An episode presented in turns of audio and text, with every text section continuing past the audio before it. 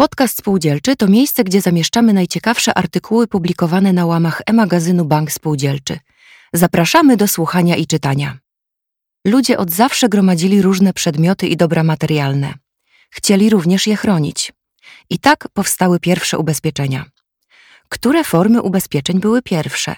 Te chroniące życie czy majątkowe? Kiedy została zakupiona pierwsza polisa na życie? I czy została wykupiona? O tym wszystkim dowiecie się z artykułu Joanny Mijakowskiej. Posłuchajcie podcastu Ale Historia. Nie znacie? To posłuchajcie. Materiał został opublikowany w pierwszym numerze magazynu Bank Spółdzielczy z marca 2023 roku i udostępniony na stronie sgb.pl. Czyta Katarzyna Miller.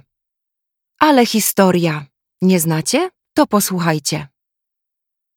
Wszystko ma swoją historię. Nasza ojczyzna, rodzina, firma, nawet my sami mamy historię. Ubezpieczenia też mają historię, te w Polsce i te na świecie.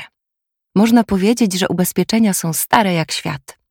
Od kiedy człowiek zaczął posiadać przedmioty, od tego momentu chciał je chronić, a ubezpieczenia to nic innego jak ochrona.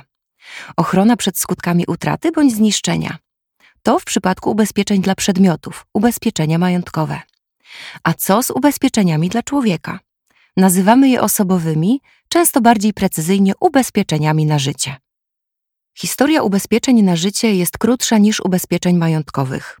Czyżby mienie było ważniejsze od życia? Wydaje się, że dzisiaj również częściej posiadamy polisę na samochód czy dom niż na życie. Najstarsza znana obecnie polisa na życie była zakupiona w roku 1583 dla angielskiego kupca handlującego solą. Jej składka wynosiła 8 funtów, a suma ubezpieczenia 100 funtów. Obecnie równowartość około 35 tysięcy funtów. Co ciekawe, jak podają źródła, wypłata z tej polisy poprzedzona była rozprawą w sądzie, gdyż gwarant świadczenia, obecnie określany ubezpieczycielem, nie chciał dokonać wypłaty na rzecz beneficjenta, dziś powiemy uposażonego. Taka to historia. Ubezpieczenia majątkowe znane są od IV wieku przed naszą erą. W starożytnej Grecji i Rzymie elementy ubezpieczenia miały tak zwane pożyczki morskie. Środki przeznaczone na zakup towarów czy budowę statków tylko wtedy wracały do wierzyciela, kiedy transport kupionych towarów bezpiecznie dopłynął do portu docelowego.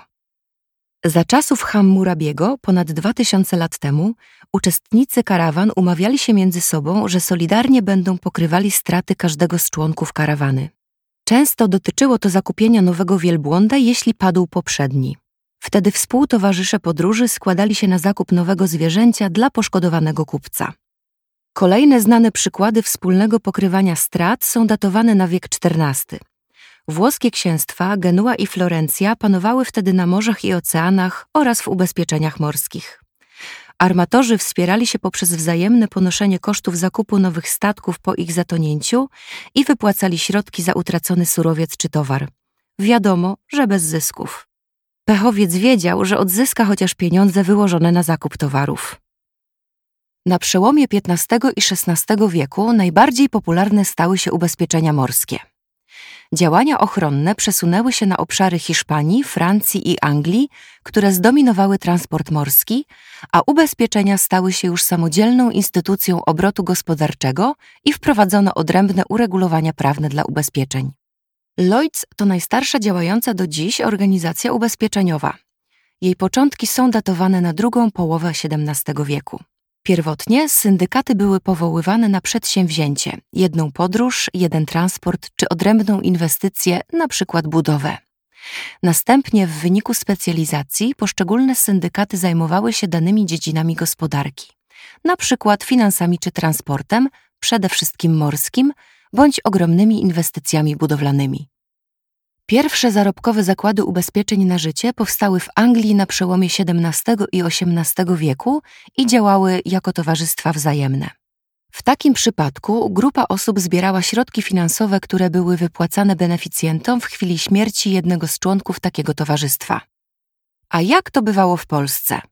Dostępne dzisiaj informacje o pierwszych ubezpieczeniach na ziemiach polskich pochodzą z XIX wieku.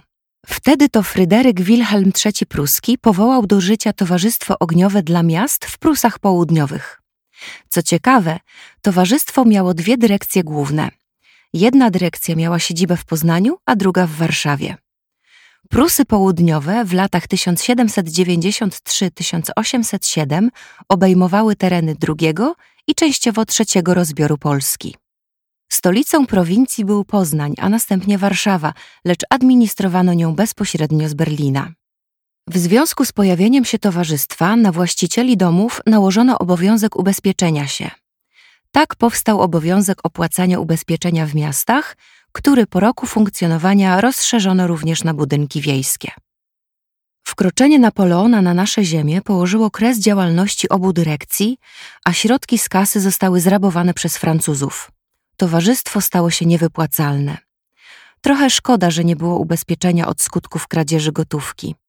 A może zadziałało tu wyłączenie dotyczące działań wojennych. Francuzi powołali na ziemiach polskich odrębne towarzystwa ogniowe, które po powstaniu listopadowym zostały przejęte przez Rosjan. Car Mikołaj nakazał pokrycie strat ogniowych powstałych po tym zrywie narodowościowym właśnie ze środków owych towarzystw ogniowych.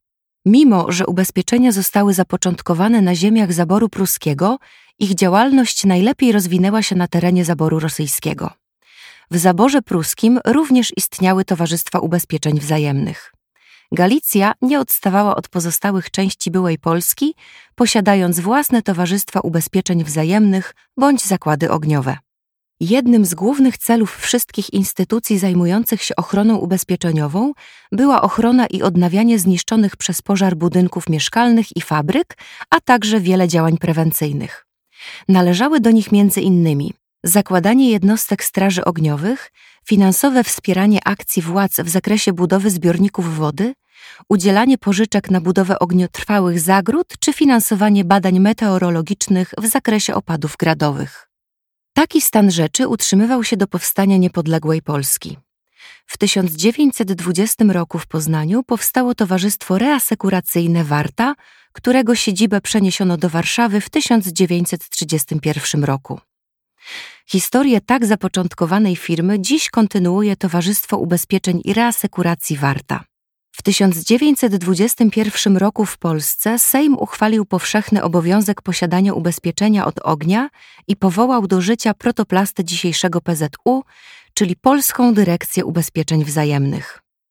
Po II wojnie światowej oba zakłady podzieliły między siebie polski rynek ubezpieczeniowy.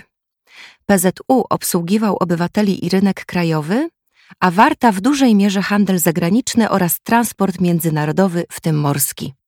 W 1990 roku została uchwalona przełomowa ustawa o działalności ubezpieczeniowej. Otwierała ona polski rynek ubezpieczeniowy na nowe podmioty, których powołano kilkanaście w pierwszych latach obowiązywania ustawy. Jak wynika z raportu ISI Emerging Markets Group, w 2021 roku polski rynek ubezpieczeniowy był największy w Europie Środkowo-Wschodniej. Polacy zapłacili za swoje polisy ponad 69 miliardów złotych. Do napisania tego artykułu zainspirowała mnie publikacja Ubezpieczenia na życie zamieszczona na stronie KNF, której autorem jest Paweł Lizak. Podczas pisania artykułu dodatkowo korzystałam ze strony historia.gov.pl oraz stron internetowych różnych ubezpieczycieli.